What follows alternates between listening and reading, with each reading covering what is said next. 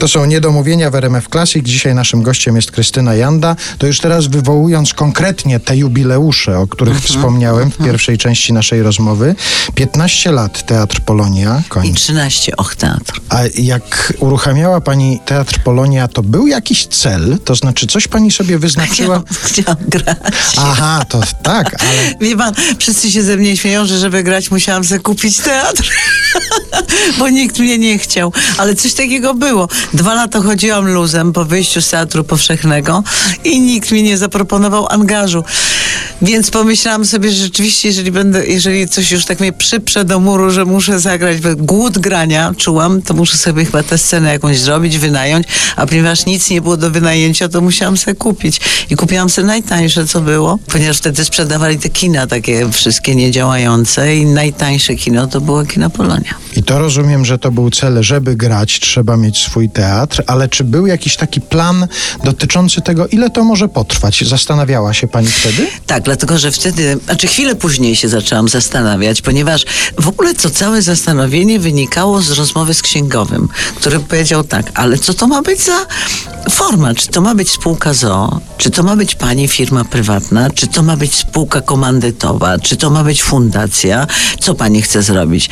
Ja mówię, no ale jak pan myśli, bo ja tylko myślę o graniu. A on mówi, wie pani, no moim zdaniem niech pani nie robi spółki ZOO, dlatego że pani na teatrze się nie zarobi, więc niech pani robi fundację, bo wtedy pani będzie mogła sobie jakoś to, że tak powiem, z innymi poukładać. No i ponieważ nie zamierzałam na tym zarabiać, w związku z tym powstała e, fundacja.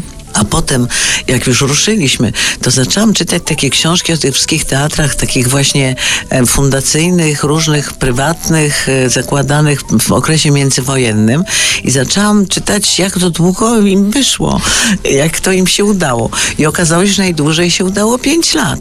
Że nawet ten teatr Trapszów w Łodzi, w którym grała młoda Ćwiklińska, gdzie była no po prostu rodzina Trapszów, naprawdę wspaniałych aktorów i grali komedię i wotewile, nie udało im się uciągnąć nigdy dłużej niż 2-3 lata i znowu zamykali firmę i znowu otwierali pod inną nazwą, dlatego że ciągle to upadało.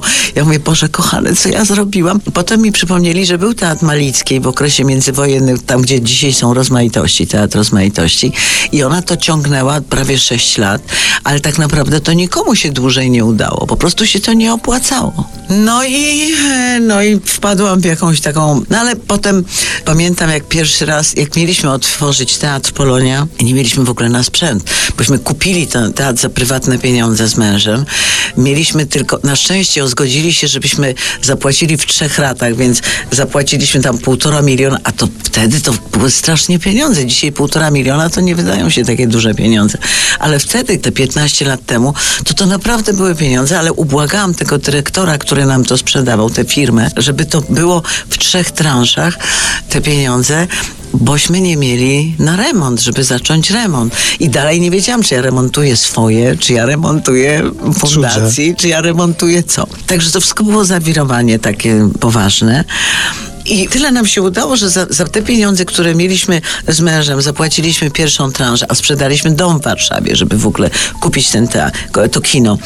Więc wyremontowaliśmy tak, że tak mniej więcej było.